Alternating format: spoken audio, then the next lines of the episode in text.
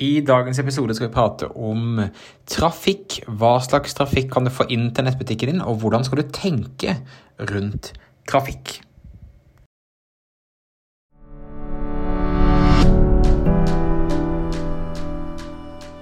Velkommen til Netthandelspodden. I denne podkasten guider vi deg gjennom hvordan du kan drifte og skape vekst i din nettbutikk. Vi har lang erfaring innen netthandel og ønsker å dele alt vi har lært og nettverket vi har bygget opp, til å gi deg enkle, konkrete råd som du kan ta i bruk i hverdagen din. Hver episode har et ressursark knyttet til seg som du kan laste ned på netthandelspodden.no.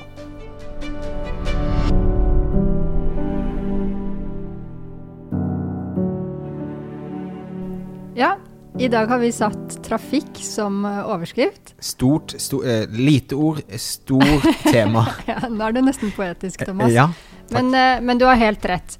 For det å snakke om trafikk eh, og dekke det godt på én episode Vi kan selvfølgelig ikke gå i dybden på alle trafikkilder, men trafikk er jo av hoved, eh, en av hovedkomponentene for å lykkes på nett. Ja, det, det er jo den hovedkomponenten. For det at du kan ha verdens peneste butikk, hvis ingen er inni butikken din, så blir det jo veldig liten business. Mm. Eh, men du sånn kan sett. også få masse trafikk, men hvis du har en elendig nettside, så hjelper det ikke at du har masse trafikk, for da er det ingen som kjøper. Godt poeng. Høna egget der, ja. Jeg er enig i det. Nei, jeg er enig. Så det, det handler jo om, om, hvordan du skal få folk inn på nettsiden din, ja. inn i din verden. Ja. Og vi skal prøve å gå gjennom så godt vi kan på en måte de forskjellige eh, kildene eh, til trafikk, og snakke litt overordnet om hva vi tenker rundt det. Mm. Og så tror jeg det handler like mye om, eh, som vi skal gå litt inn i litt seinere, men, men, ha et um, analytisk eh, syn på trafikken din. Og også være veldig tydelig over at for å ikke være for sårbar, så må du også ha en god miks av mm. trafikk. Mm. Så det tror jeg er, er, eh, er viktige ting å, eh, å, å, ha i bakhodet. Så hva er de viktigste trafikkildene da, Marte? Hva, hva, er det, hva, hva, er det, man må forholde seg til som en person innenfor netthandel? Ja, typiske trafikkilder, hvis du ser hvor trafikken din kommer fra i nettbutikken, det er jo at eh, en viss andel kommer direkte. Mm -hmm. De vet hvem du er, og de går i nettleseren og skriver inn URL til din butikk. Mm -hmm. Så direktetrafikk. Og så har du alle de som søker etter et eller annet som du tilbyr. Og kommer inn uh, til nettsiden din på den måten. Og da er det jo egentlig, da skiller vi mellom to trafikktyper. Organisk uh, trafikk fra søkemotoren og betalt trafikk fra søkemotoren. Stemmer. Og så har vi jo da, eh, på samme måte med sosiale medier, så har du da eh, organisk trafikk fra sosiale medier. Altså det du gjør med at du publiserer uten å betale for eh, at det distribueres. Mm. Og så har du da annonsering i sosiale medier, altså der du betaler for at det skal eh, vises til de riktige typer menneskene. Mm. Og siste er vel e-post, som ja. også er en ekstremt viktig trafikkilde. Mm. Så eh, det vi tenkte eh, nå, er la oss prøve å gå gjennom hver av de punktene og, og, prate litt om hva vi mener er viktig å tenke på innenfor eh, de spesifikke eh, punktene. Og igjen, dette er, eh, dette er et massivt tema som vi skal på en måte prøve å presse inn i en podkastepisode. Og det, det, vi prøver å skal ha så generelle råd som er like aktuelle i dag som om tre år. Så vi prøver å, å være så overordnet som mulig eh, parallelt her. Mm. Så eh, på toppen her så, så tenker jeg at eh, før vi kommer inn i de forskjellige trafikkfildene, så må man jo ha en forståelse av hvor trafikken din kommer fra. Mm. Du må kunne lese av i Google Analytics eller i eh, netthandelsplattformen din, eller hvor enn du på en måte sitter og ser på statistikk, så må du ha en en oversikt og en kontroll. Mm. Um, jeg kunne tenke meg å bare stille det som et spørsmål, det er et konkret spørsmål til deg som, som, lytter, om du følger med på hvor trafikken din kommer fra, om det er noe du har rutine på å gjøre. Sånn at du ser at ok, her har jeg en trafikkilde som jeg ønsker å få mer trafikk fra. Uh, her har jeg kanskje for mye trafikk. Om du har et, uh, et, bevisst forhold til det der. Hvis ikke, så har du et klart actionpunkt uh, her. Uten tvil. Eh, hvis du svarer nei på det, så tenker jeg at da ville jeg slått av eh, podkastspilleren akkurat nå, og så ville jeg begynt å bygge en rutine til å få, eh, få et forhold til det. Eh, jeg tror det er helt avgjørende for å lykkes, og, og, at du ser på tall og forstår tall og ser måte, hvor du skal kunne forbedre. Um, ok, eh, la oss hoppe på første punktet, Marte. Direktetrafikk. Hva, hva, uh, hva er viktig å tenke på når det kommer til direktetrafikk? Ja, jeg vil heller si at det med direktetrafikk, det er jo ikke Det er ikke noe du påvirker uh, i en uh, fei. For direktetrafikk er jo gjerne et uttrykk for hvor sterk merkevare du har. Og det kan også henge sammen med hva slags aktiviteter du gjør i andre kanaler, offline f.eks. Så det som er typisk, er hvis du er en veldig stor aktør, f.eks. med mange fysiske utsalgssteder, så vil du ha høy andel direktetrafikk. Og kanskje du Altså aktører som driver med TV-reklame, eh, og liksom boards i hele byen. Altså typisk de største aktørene som du ser overalt. Uh, med reklame også, også digitalt, at uh, de har en sterk merkevare, og folk vil gå rett inn. Mm. Ja, og, og, jeg tror jo, som du er inne på, jeg, jeg tror jo er du, er du, flink og lager mye bra innhold på Instagram, så kan jo det gjøre at folk da sitter på telefonen, tar fram laptopen og skriver inn eh, nettadressen din. Eh, vi ser det veldig ofte at når vi begynner å gjøre eh, Facebook-annonsering på nettbutikker, så ser vi at det også øker direktetrafikken. ikke sant? Så det er masse eh, kilder inn her. Um, men det som er ganske normalt, er jo at du har en ganske Altså en ganske betydelig del av den uh, miksen av den kaka er direktetrafikk. Har, har, du en sunn nettbutikk, så kommer folk inn eh, direkte også, i tillegg til alle de andre kanalene. Det, altså, det, er et veldig godt tegn om du har en eh, god andel direktetrafikk. Mm -hmm. For da har du gjort et uh, inntrykk, og du er til stede i folks uh, bevissthet. De velger deg aktivt. Ja, ikke sant. Og, og, og, det er mer de andre trafikkkildene vi kommer til å snakke om, som er med og påvirker om direktetrafikken din går opp eller ned. Eh, egentlig.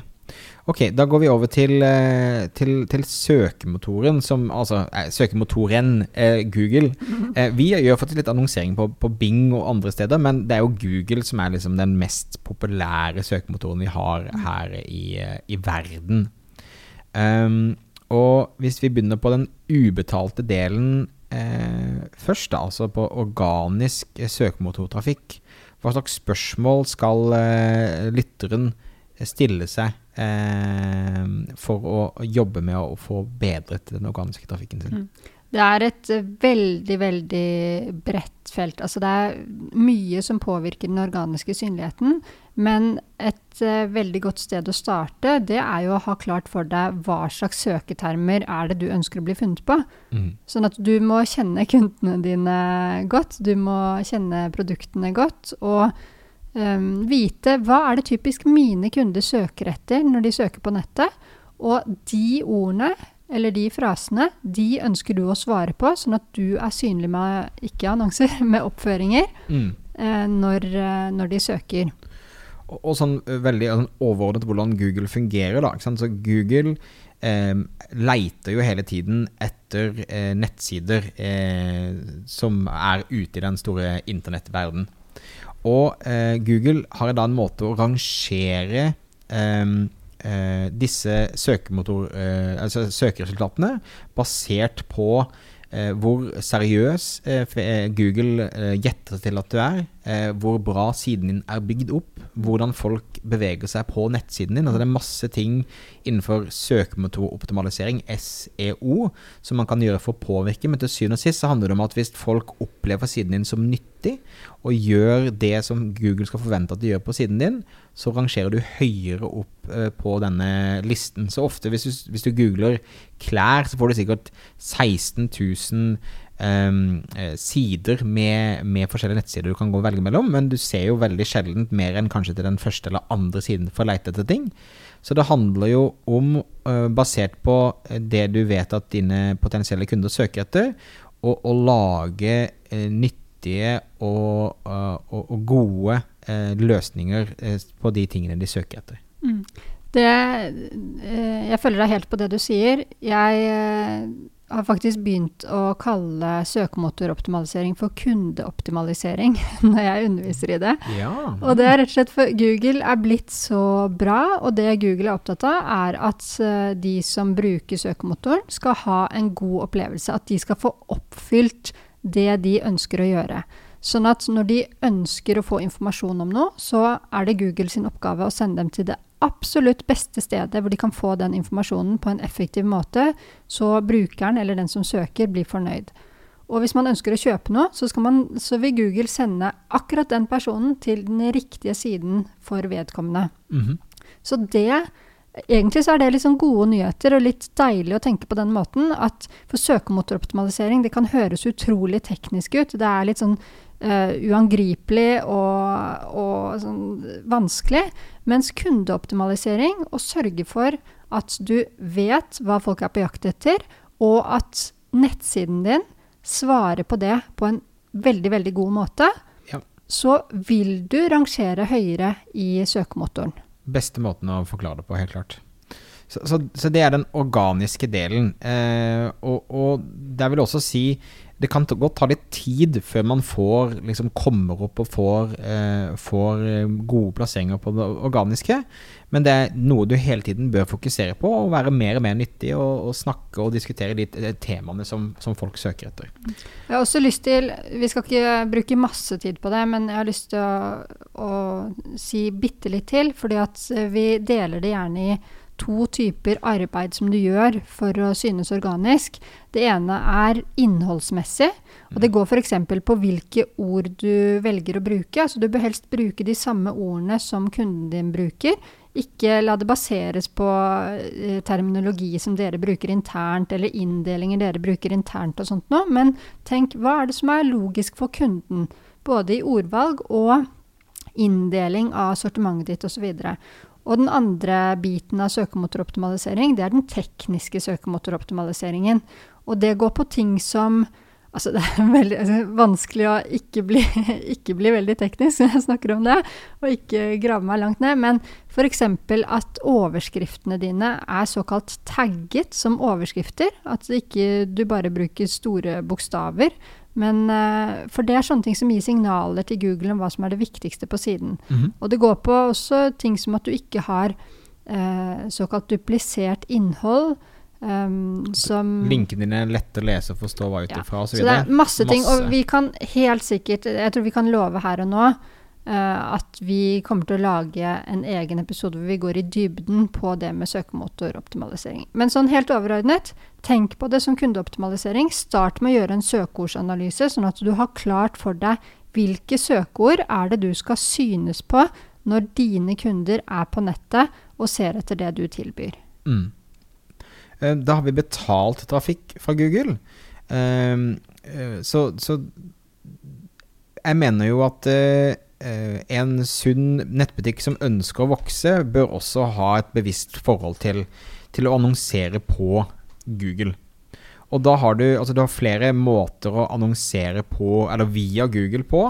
Det, det, det man kanskje sånn standard eh, man tenker først, er jo søkeannonser. Så jeg søker etter eh, høstklær, høstkåpe, et eller annet i den duren. Eh, og man kan da velge å by på å vise den annonsen eh, så høyt som mulig mot de andre. Så har man det som heter shoppingannonser, som rett og slett tar ut eh, produktene du har i din nettbutikk, og viser fram de mest relevante i forhold til høstkåper, f.eks. Og så har du displayannonser, som er bannerannonser som du typisk ser på Dagbladet og andre som har avtaler med Google som i min erfaring fungerer veldig sjeldent bra, men vi må i hvert fall nevne det. Og noe som har blitt mer og mer aktuelt for de kundene jeg hjelper på Google-annonsering for tiden, det er også YouTube-annonser. Der man kan vise små videosnutter før forskjellige videoer avspilles osv. Men da blir jeg veldig, blir jeg veldig nysgjerrig. Mm -hmm. For opplever du at disse pre-rollsene eller Google Video Ads at de virker? De har begynt å fungere. Så hva har skjedd når de har begynt å fungere? For det har jeg aldri opplevd. Um, jeg tror rett og slett at Google har blitt mye flinkere til å vise det til et relevant publikum. Ja. Og vi bruker også mye tid på å sammen med kunden finne ut av hvilke kanaler og hvilke temaer er det relevant å vise dette framfor. Men jeg vil si det siste ja, siste året, egentlig, eh, altså det vil si eh, liksom 19 til 20, overgangen der, eh, så har det blitt mye mer aktuelt. Og samtidig så tror jeg mange nettbutikker har blitt flinke til å lage godt innhold, mm. ikke sant, som er tydelige call to action og sender folk inn. Mm. Så både det å finne et, et kaldt publikum, folk som ikke vet hvem du er, men spesielt da å vise et varmt publikum, folk som har handlet hos deg før eller vært hos deg før, og vise de relevante videoer når de er inne og ser på en eller annen eh, La oss si høstkåper igjen, eller ser på en eller annen influenser som de følger med på fra moteuka virtuelt i New York, eller whatever. Um, det har en mye bedre effekt nå.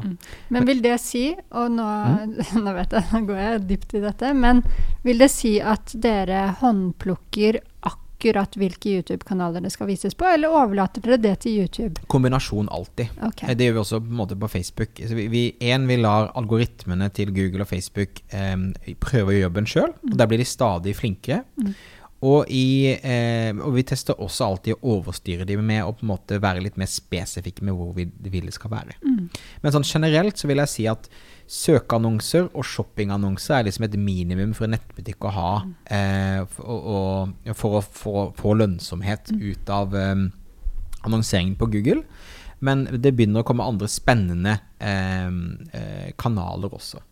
Eh, og det som kanskje også er litt annerledes på, på Google enn på, på Facebook, er at du trenger ikke nødvendigvis å bytte ut annonsene dine og opp, være innom seks ganger om dagen og passe på ting. Det går litt mer av seg selv. Du skal selvfølgelig passe på å ha et bevisst forhold til det. Når du har begynt å kjøre, så ser vi at eh, som oftest så holder det seg ganske jevnt. Og så kan man gå inn og på en måte jobbe aktivt med å få det til å vokse, men, men det å liksom sette det opp godt nok er ikke superavansert og kan være superlønnsomt. Ja, og i motsetning til Facebook-annonser, som krever veldig innholdsproduksjon for at de skal funke, så er jo disse søkeannonsene de er mye enklere. Absolutt. Det er de, og du kan si det, det krever mye mindre um, eh, for å faktisk uh, lage innhold som fungerer. Ehm, så så det, det, det ressursmessig mye lettere å komme i gang med Google enn med Facebook. Eh, og ja, Vi kan på slutten av episoden kanskje diskutere hva man bør starte med først, eh, men, men, men, eh, men helt klart. Mm. Men du nevnte at alle bør drive med shoppingannonser. Mhm. Eh, Der Jeg er enig, for å starte der, da, at shoppingannonser de er fantastisk eh, effektive. Det vil si at det er mange som klikker på dem, og de gir veldig god konvertering. Det er mange som kjøper når de kommer inn fra en shoppingannonse. Men det spørs litt hva slags aktør du er. Fordi at hvis du selger merkevarer som er lik det andre selger, men du ikke har den laveste prisen, så kan det faktisk få en negativ merkevareeffekt for deg å kjøre shoppingannonser. Fordi at når man da ser en rekke av det samme produktet ved siden av hverandre, og prisene står veldig tydelig, som de gjør på sånne shoppingannonser, og man ser at du har høyere pris enn de andre, så gir det en beskjed om hva slags aktør du er, at du er dyrere enn resten. Så hvis det er tilfellet for deg, så, så ville jeg vært forsiktig med, med shoppingannonser. Vel, veldig godt poeng, og, og det er mest eh, relevant når vi søker på uh, merkevaretrafikk. Når du søker etter navnet på butikken, uh, så kan det absolutt lønne seg å vurdere å vise shoppingannonser eller ikke. sånn sett. Eh, når det gjelder eh, høstkåper, så er det litt annerledes, for da vil du jo bli sammenlignet med alle de andre, men du har ikke en veldig bevisst forhold til hvilken merkevare som viser hvilket bilde til hvilken pris. Så da handler det mer om å passe på lønnsomheten i annonsene. Men spesielt til merkevarer så tenker jeg det er, det er et veldig godt poeng. Det er, eh, det er ikke alltid eh, det er riktig måte å Riktig type, type annonser, rett og slett. Og avslutningsvis på det med, med betalt eh, markedsføring i Google, så vil jeg si at eh, det er to ting som avgjør plasseringen du får eh, på annonsene dine. Det ene er hvor mye du byr i konkurransen med de andre som kjører annonser. Men det andre er kvaliteten på annonsene dine. Hvor relevante de er for de som søker. Hvor relevante de oppfattes mot akkurat det søkeordet. Og bl.a. landingssiden din. Så hele den jobben du kanskje da har gjort for å få organisk trafikk, den får du masse igjen for når det kommer til den betalte trafikken. Så det henger veldig, det henger veldig sammen. Veldig godt poeng. Og Sammen med Facebook også. De ser også på kundeopplevelsen etter man har eh, klikket på annonsen. Så det, det er jeg helt enig i. Da flytter vi oss over til organisk trafikk fra sosiale medier. Det vil si eh, om du er aktiv på Instagram, Facebook, Snapchat, TikTok, Pinterest, altså alle disse forskjellige kanalene. og dette blir litt spennende tema å snakke om, for jeg tror vi er litt i litt sånn forskjellige leirer her, egentlig, Marte. For det, eh, min sånn hovedpåstand er at de aller fleste nettbutikkene som jeg snakker med, og jeg snakker sikkert med en 15-20 stykker i, i, i, måneden som jeg sitter og har telefonsamtaler med, eh, er for opptatt av organisk sosiale medier. De er for opptatt av å poste ting og eh, ha det gøy på Instagram, for det er det de får mestring for, og de får det den endorfinkicket med en gang man får likes og tilbakemeldinger. Mm.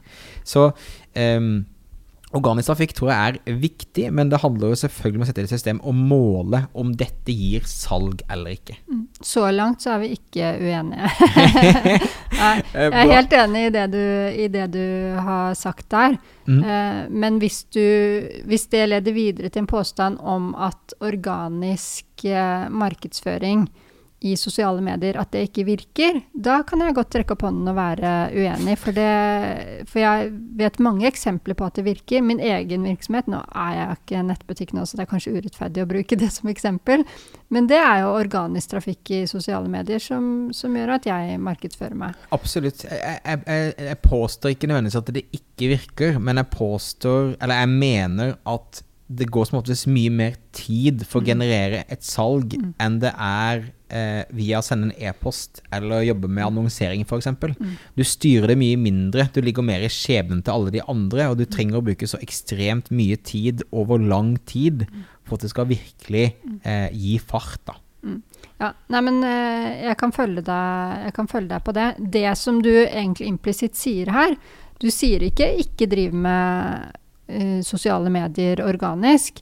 Men det er noe med miksen her, ikke sant? Mm. At, uh, at, man skal få øynene opp for disse andre trafikkildene. Nå har vi vært innom uh, tre av dem. Og to du, som du kontrollerer veldig direkte. Eller mm. sånn delvis direkte, i hvert fall. Organisk og betalt trafikk fra søkemotoren. Ja. Så, så det å bruke disse kanalene i kombinasjon, det er viktig. Men hvis vi først snakker om organisk trafikk i, eh, eller markedsføring i uh, sosiale medier, ja. så er det fint om vi kan gi noen tips på hvordan man faktisk uh, lykkes med det. For det finnes jo aktører som er veldig, veldig gode på det. Hva gjør de for å få trafikk fra sosiale medier? Det, det er liksom en, en, god sted å starte. Eh, og, og um, jeg vil også si, hvis du en hvis, hvis du på en måte jeg tror at hvis du tenker på dine sosiale medier som et sted å eh, kommunisere med kundene og skape på en måte en heiagjeng rundt nettbutikken din, det er et veldig godt utgangspunkt å starte. Så det vil si at når noen har handlet i nettbutikken din, og de får en e-post med bekreftelse osv., så, videre, så inviterer de inn til å følge deg, f.eks. på Instagram. Og, og, og, at du, når du lager innhold og tenker innhold, så tenker du at dette er dette er en person som digger meg og digger produktene jeg selger. Og min, min jobb er å engasjere de og få de til å få enda mer følelser, enda mer tillit, mer engasjement rundt mm. det jeg gjør. Um, jeg tror det er et godt utgangspunkt for mitt hode på, på det. Og så ser jeg også jeg tenkte Du kan godt nevne noen de, de vi, vi har i notatene våre her som er flinke, men jeg syns også de er flinke til å ikke være for høytidelige, ikke ta seg sjøl for seriøst, eh, men at de har, de har en eh, de har en personlighet Det er ikke en, det er ikke en privat, eh, privat personlighet, men det er, en, det er, en, folkelig personlighet ofte som gjør at eh, de fungerer bra i de sosiale mediene. Mm. Dette er jo kanalen for å bygge relasjoner. Mm -hmm fremfor alt. Uh, og det, det, er noe med for hver, for hver, kanal og trafikkilde her å tenke hva er det folk gjør når de er på dette stedet? Hva er det folk ser etter? Så dine kunder, når de er f.eks. på Instagram eller de er på Facebook så På Instagram så ønsker man kanskje å få inspirasjon. Det er en sånn typisk ting. Så da er det det du bør gjøre på Instagram. Du bør være med å gi den inspirasjonen. Mm. Så veldig mye av det man gjør organisk i sosiale medier Tenke kontekst. Ja, mm. ikke sant? Mm. Og, uh, og, da skal du ikke Du skal ikke nødvendigvis komme med push i salgsbudskap der uh, i sosiale medier. Jeg sier ikke at du ikke kan selge der. Det vil du gjøre naturlig. Men det der å få godt frem hvem du er, og bygge den relasjonen til, eh, til følgerne dine, det er, det er, det du bør ha som mål nummer én i sosiale medier. Mm. Ja, helt enig. Det, det, tror jeg er kjempeviktig. Og eh, kanskje før vi kommer med litt sånn eksempler, så um, Du har jo forskjellige måter å lage innhold og kommunisere. Så det ene er liksom de kanalene som har en feed, der du, der, du, lager poster som på en måte sprer seg basert på engasjement, altså om det er Facebook eller Instagram f.eks., eller Pinterest. Eh, og så har vi det formatet som har blitt veldig populært i det siste, som er stories-formatet. Som er, sånn, det er fullskjermsopplevelse. Gjerne eh, veldig mange historier etter hverandre du oppdaterer via døgnet. Det er, du, det er litt mindre krav Eller jeg vil ikke si det er feil å si det er mindre krav til kvalitet, men eh, du trenger ikke å la det være så tidløst som kanskje det du legger ut i feeden din er. Eh, og så har vi også livesendinger, der du lager livesendinger og har en eh, interaksjon med publikummet ditt. Så det er liksom de tre eh, primærmåtene å lage innhold på. Og der um, i hvert fall sånn som trendene peker nå, så eh, blir det viktigere og viktigere å kunne eh, mestre stories og live-formatet. Mm. Eh, de fleste har begynt å bli ganske flinke på hva de skal legge ut i postene sine, men stories og live tror jeg blir viktigere og viktigere å mestre framover. Helt klart. Jeg liker at folk skal få noe sånn konkret, eller vi sier, sier noen konkrete ting her, men jeg kunne tenke meg å tipse om noen aktører som jeg syns er flinke. Ja. Um, det er noen som heter Festlige ting. To jenter som eh, driver både nettbutikk og de leverer uh, ballonginstallasjoner til eventer. Men de trekker jeg veldig ofte frem som et eksempel på noen som er kjempeflinke i organisk bruk av sosiale medier. Og da er det primært Instagram. Det er det som er deres uh, plattform. Mm. Og jeg vet at uh, det, de får helt klart trafikk og salg gjennom, eh, gjennom, aktivitetene som de gjør på Instagram. Og en annen eh, aktør som har tatt uh, tak i nettopp det som, som, du nevnte, Thomas, med stories og livesendinger, det er en som heter Kunstkolonialen, som frem til, frem til sommer-høst 2020 bare solgte i, gjennom fysisk butikk. Valgte å legge ned den fysiske butikken og flytte seg over på nett. Kult. Så Trine som driver der, hun er eh, voksen. Mm. og hun eh, startet faktisk før hun hadde nettbutikk. Så begynte hun med livesendinger da korona traff. Begynte med livesendinger på Facebook. Viste frem produktene sine. Og så, så solgte hun via VIPS og DM. Så det er noe med å ikke, ikke, gjøre det verre enn det trenger, trenger, å være. Så da er det organisk bruk av sosiale medier som har gitt henne masse salg. Ikke sant. Og, og, og både Festlige ting og Kunstkolonialen er jo litt sånn person, veldig mye personlighet bak det. Altså to aktører som um, igjen da Jeg tror det er naturlig å bruke Instagram som et eksempel, for det er der de fleste bruker energien sin. Um, selv om du kan få masse ut av organisk både på Facebook og på TikTok og på Snapchat også i disse dager. Men, men eh, jeg syns at eh, Tufteware mm. er veldig bra på sine stories, mm. og ikke minst Get Inspired, som jeg mm. blir av og til bare blåst av stolen når jeg ser Altså, de har laget sin egen stil og en vibe. Jeg kan, jeg kan se, uten å se hvem avsenderen er, at dette er en Get Inspired mm. Eh, story versus de andre. Og det som er gøy, er at uh, man må ikke være gründeren, om Get Inspired bruker gründeren sin uh, veldig aktivt uh, også.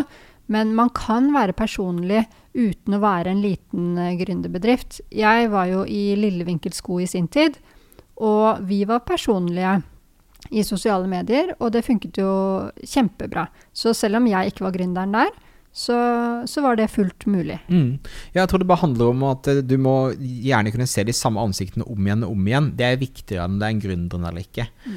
Eh, og at den har en personlighet som man på en måte kan uh, treffe, matche godt med. Men nå gleder jeg meg, Thomas, for nå kan vi bevege oss over til det som er uh, ditt ekspertiseområde, nemlig betalt trafikk fra sosiale medier.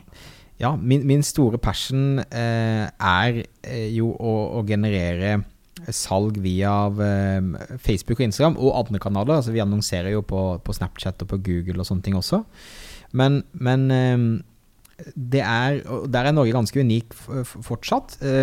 Det er fullt mulig å generere svært lønnsomme besøkende på nettbutikken din med å bruke Facebook og Instagram som, som annonseringsplattformer. Du sier at Norge er unik. Vil det si at sånn er det ikke i resten av verden nå? Hvis vi ser eksempel, hvis vi snakker om, om avkastning, da, som er noe vi snakker ofte om når vi annonserer, hvor, peng, hvor mange kroner får du tilbake for hver krone du bruker. Så i USA, når jeg snakker med de som driver både store og små nettbutikker der, så går de ca. nesten i null på hvert salg de har når de annonserer på Facebook. Men så tar de da igjen eh, på en måte med å ha en eh, livstidsverdi på kunden som er lengre, for de er flinke på e-postmarkedsføring. Så de kjøper kunder for eh, ca. break-even, og så selger de til de så ofte de kan eh, på e-post. I Norge Vårt byrå vi ligger vel på en snitt på rett over seks kroner du får tilbake for hver krone du bruker på annonsene. Og Det vil si det er en svært god lønnsomhet eh, sånn det er i dag, som også gjør at mange har blitt bortskjemt og kanskje er for avhengig av Facebook-annonser som en ren kjøpskanal, og ikke bruker tid på å bygge ut de andre miksene av de andre tingene vi har snakket om. Men, men, men eh, eh, spesielt det å eh, sette opp en god eh, remarketing-kampanje, dvs. Si vise annonser til de som har vært innom nettsiden din, engasjert seg på Facebook eller engasjert seg på Instagram siste 7-12-90 dagene ut ifra hva du selger, da. Det er liksom den første veldig tydelige anbefalingen jeg kommer med. Det vil Ok, si Kan jeg stoppe deg der? Fordi du sier 7, 12 eller 90 dager ut fra hva du selger. Kan ikke du forklare hva du mener med det? Jo, det kan jeg gjøre. Um, noen kunder trenger lengre tid for å bestemme seg om de skal handle hos deg eller ikke. De trenger å se produktet nok ganger de kanskje er i en research-fase, der de trenger litt tid på å lande, og da kan det være lurt å vise annonsene til de lengre enn noen som f.eks. bare skal kjøpe en bukse eller et par sko. Så typisk hvis du selger noe som er dyrere, som er en større beslutning. Ja, enten større beslutning, eller det føles mer omfattende. Ja. Ikke sant? Så det, det, det, det er ikke nødvendigvis bare på prisen, men om det er eh, La oss si altså Nå blir jo parkettgulv ganske dyrt eh, når man skal kjøpe nok av det, men? Altså, det er noe som, som påvirker hjemmet ditt, eller påvirker et eller annet. Så um, jeg vil anbefale deg å starte med liksom Sette opp en kampanje som viser annonser til de som har engasjert seg hos deg de siste syv dagene, som den første kampanjen du setter opp. For det, det, det, det passer veldig godt inn i at alle som kommer fra Google, om det er søkt eller betalt, eller fra Instagram og sosiale medier, kommer inn. Så blir de fulgt opp på en måte der du forstår konteksten, og de har vært inne og kjenner det fra før av. Og du kan gi dem en eller annen mulighet til å, til å slå til på et tilbud eller på en pakke, eller bare på å vise produktet igjen. Um, og uh, det er to typer kampanjer man bør kjøre eh, når man skal kjøre remarketing. Én er konverteringskampanjer, som handler om at du drar fram spesifikke produkter eller spesifikke ting du ønsker å snakke om. Eller katalogkampanje, som gjør at Facebook selv velger hvilke produkter den skal vise til den personen. Um, så med å ha en sånn remarketing-kampanje med katalog og konverteringskampanje på, så har du sikret deg at du uh, får mye mer uh, ut av den trafikken som allerede er på nettbutikken din. Og når du først har kommet til et nivå der du føler at eh, dette har jeg mestring på, dette ser jeg fungerer, så kan du begynne å gå bredere ut og finne andre målgrupper og begynne å hente inn et kaldt publikum også til nettbutikkene Ja. Ok, men det er et veldig konkret og fint tips. Da. Start med de som faktisk kjenner deg fra før. Ja. Mm. Lavthengende frukter. Ja, og når du sier at, du, at Facebook velger hvilke produkter, så er vel ikke det helt random hva de velger å vise i annonsen? Facebook har ca. 52 000 datapunkter på hver Facebook-bruker. Mm. Um, så um, når det kommer til remarketing, så vil Facebook se på to ting. Den vil se på hva du gjør på nettsiden. Mm. Så vil si hvilke produkter du er lenge inne på. Eller hvilke produkter legger du til handlekurven, hvilke produkter prøvde du å sjekke ut, men så stoppet du å sjekke ut. Mm. Det er én ting av det de avgjør om de vil vise eh, det ene eller andre produktet til deg. Mm. Og nummer to handler om andre folk som ligner på Thomas. Mm. Hva er det de har sett, og hva er det de har gjort, og ikke minst hva er det de har handlet, så vil også Facebook eh, hente ut og vise så relevante produkter som mulig der. Mm. Mm. Så eh, enormt datadrevet, mer datadrevet enn en, en Google. Så eh, det betyr også at når du skal ut og annonsere til et større publikum, et kaldt publikum, så anbefaler jeg at du har så brede målgrupper som mulig for å gi Facebook mest mulig mennesker å leite gjennom. Mm. Fordi at Facebook forstår ganske fort, basert på dataen de får fra nettbutikken din, hvem er kundene dine, mm. og hvem kjøper når og hvor. Mm. Så det, det, er kjempespennende. Så, um, og jeg vil si at uh, du bør uh, ha et mål om å ha en avkastning på minimum fire før du begynner måte å jobbe med å skalere opp. Så det vil si at um, avkastning på annonsekjøp, som er en egen kolonne i Facebook sitt annonsepanel, um, hvis den er fire eller mer, så det, kan du trygt bruke mer penger. Um, men er den under, så bør du jobbe litt mer med bilder, med tekster, med videoene dine osv. Så, videre. så vi var mm. inne på i, forskjellen på Google og Facebook Instagram her. Mm. For Instagram bruker samme plattform som Facebook, så når du mm. annonserer på Facebook, så gjør du også det på Instagram. Mm. Men uh, der Google er det ganske lett å lage innhold som du ikke oppdaterer så ofte. Facebook krever at du oppdaterer annonsene dine ofte. Jeg anbefaler mine kunder å uh, lage to annonser minimum i uka. Mm. Eh, som, som, hele tiden går i rotasjon. Og så tester man da det ene bildet eller andre bildet mot hverandre, og så finner man hele tiden ut hva er det som gir best avkastning til deg. Mm. Men det, det, krever litt mer. Men bare det å sette opp den remarketing-kampanjen først, er et godt tegn. Mm. Når du treffer da fire i avkastning, så kan du jobbe med å måte, skalere opp og, og, bygge det over. Ja, bare sånn så vi bryter det helt ned. Så når du sier skalere opp, så mener du putte på mer penger? Bruk mer penger. Ikke sant? Ja. Et større budsjett på annonsekampanjer. Ja. Så du setter som oftest et dagsbudsjett når du annonserer på Facebook. Mm. Jeg anbefaler å bare begynne med kanskje en hundrelapp eller to. Mm. Og etter hvert som du ser at det fungerer, så kan du hver tredje dag øke budsjettet ditt med 20 mm.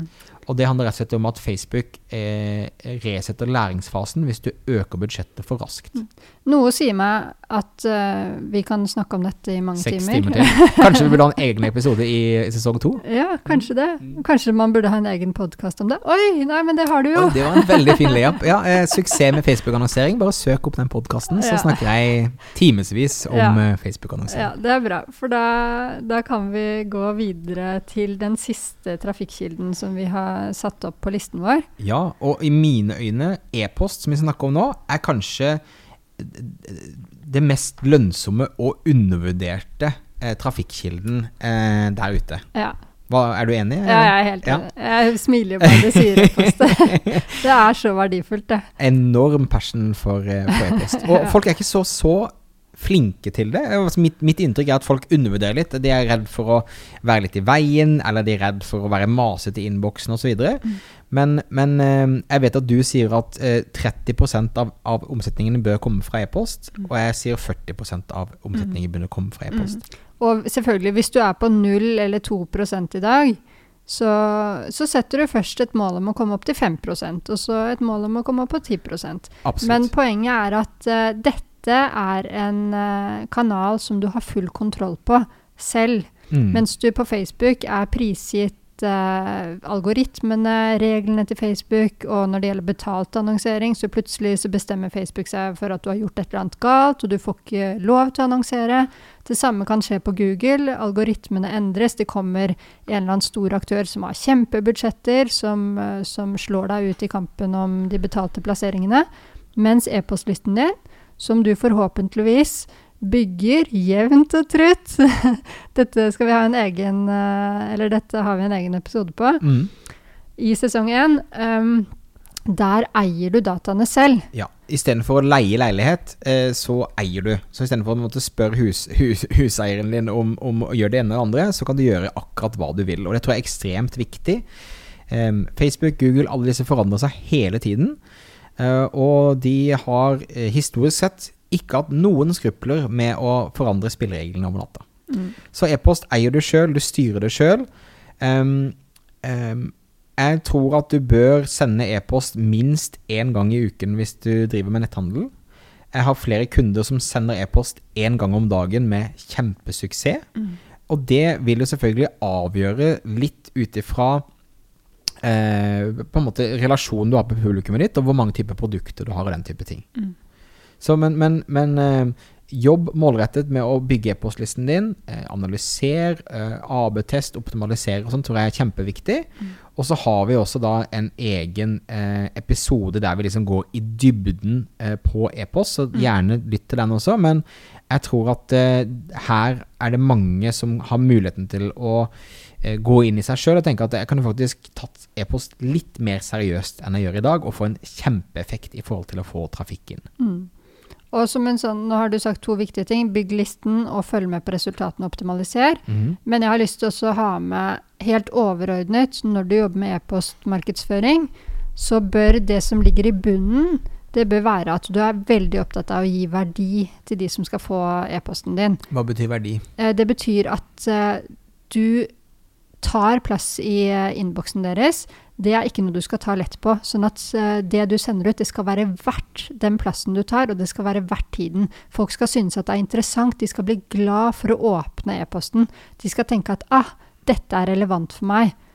Og da tenker, jeg tror jeg er et kjempepoeng i forhold til relevante produkter osv. Um, jeg husker at eh, jeg var med på et eller annet lojalitet... Nei, jeg var jeg jobbet med influensere og var en liten sånn influenser sjøl for mange år siden. Og da fikk jeg tilsendt tamponger i posten fra et PR-byrå som lurte på om jeg kunne tenke meg å skrive et innlegg om det. Og det gjorde jeg, men det var noe helt annet enn det de så for seg. Så jeg tror kontekst er, er, er veldig relevant. Og når det kommer til verdi, så tenker jeg at én ting er jo at verdi kan være eh, en rabatt eller en fordel på et eller annet. Men det kan jo også være hvordan man bruker produktet, hvordan man kan vedlikeholde produktet. Altså råd og veiledning til hvordan man kan um, um, bruke produktene, er jo også god måte å gjøre det på. Og igjen, og dette gjelder jo egentlig ikke bare e-post, men det koker på en måte ned til at du skal kjenne kundene dine godt, vite hva de er opptatt av. Mm. Og hvis du virkelig vet det, og bruker den kunnskapen i alle disse kanalene hvor du kommuniserer med dem, så vil du få veldig mye bedre resultater. Helt Men vi kan, vi kan snakke om dette til solen går ned. Eh, jeg har lyst til til slutt at vi snakker litt om miksen av dette her. For nå har vi ramset opp forskjellige kanaler. Men er det på en måte greit, hvis jeg brenner for Instagram, da, Mm. syns det er gøy med den plattformen, ser at jo, det virker som jeg faktisk får, eh, får trafikk derfra. Eh, Folk eh, kjøper de tingene som jeg viser på Instagram. Jeg ser at salget går opp når jeg viser bilde av et eller annet bestemt, f.eks. Ja. Må jeg da drive og stresse med de andre, andre kanalene? Kan jeg ikke bare være skikkelig god på én ting, og så akseptere at 70% av trafikken min kommer fra den kanalen? Jeg har et svar på det selv, men nå stiller jeg spørsmålet til deg. Jeg vil, si, jeg vil si nei. Eh, Jeg vil si at det er skummelt å være helt avhengig av én kilde, og spesielt en kilde som kan forandre seg over natten. Eller som du veldig godt vet, eh, basert på Lille Vinkel-sko-storyen din, at du kan plutselig miste tilgangen til å snakke med publikummet ditt på forskjellige kanaler. Um, så jeg er veldig enig i at man bør fokusere på én ting først, og virkelig bli flink på å em, mestre én og én kanal. Um, men jeg tror det å ha en miks av, av alt er uh, sunt og viktig. Ja, da er, vi, da er vi helt på linje. Og for å klare det, så er det tilbake til det vi var inne på i starten, at uh, et minimum er jo å vite hvor trafikken din kommer fra. Mm. Så du har to, to sider der. Det ene er å se i prosent hvor mye trafikk som kommer fra hver av disse trafikkkildene. Men så må du også se på omsetningen din. Hvor mange prosent av omsetningen kommer fra hver av kildene. Og da vil du typisk se, for det gjelder for veldig mange, de fleste, at e-post f.eks. Du har Si du har 10% av trafikken din fra e-post, men når du ser på hvor mange prosent av omsetningen din som kommer fra e-post, så vil det kanskje være 15 Absolutt. Fordi at de er, det er verdifulle kunder som kommer den veien. Så det å være litt smart med å satse på de kanalene som har de mest verdifulle kundene for deg, det er eh, ikke så dumt. Og, og da var sånn eh, veldig sånn konkret tips du kan gjøre for å Hvor går jeg, eller hvordan vet jeg hva som på en måte er mest lønnsomt osv. Hvis du bruker Google Analytics, så kan du gå inn i den eh, fanen som heter acquisition, også source-medium.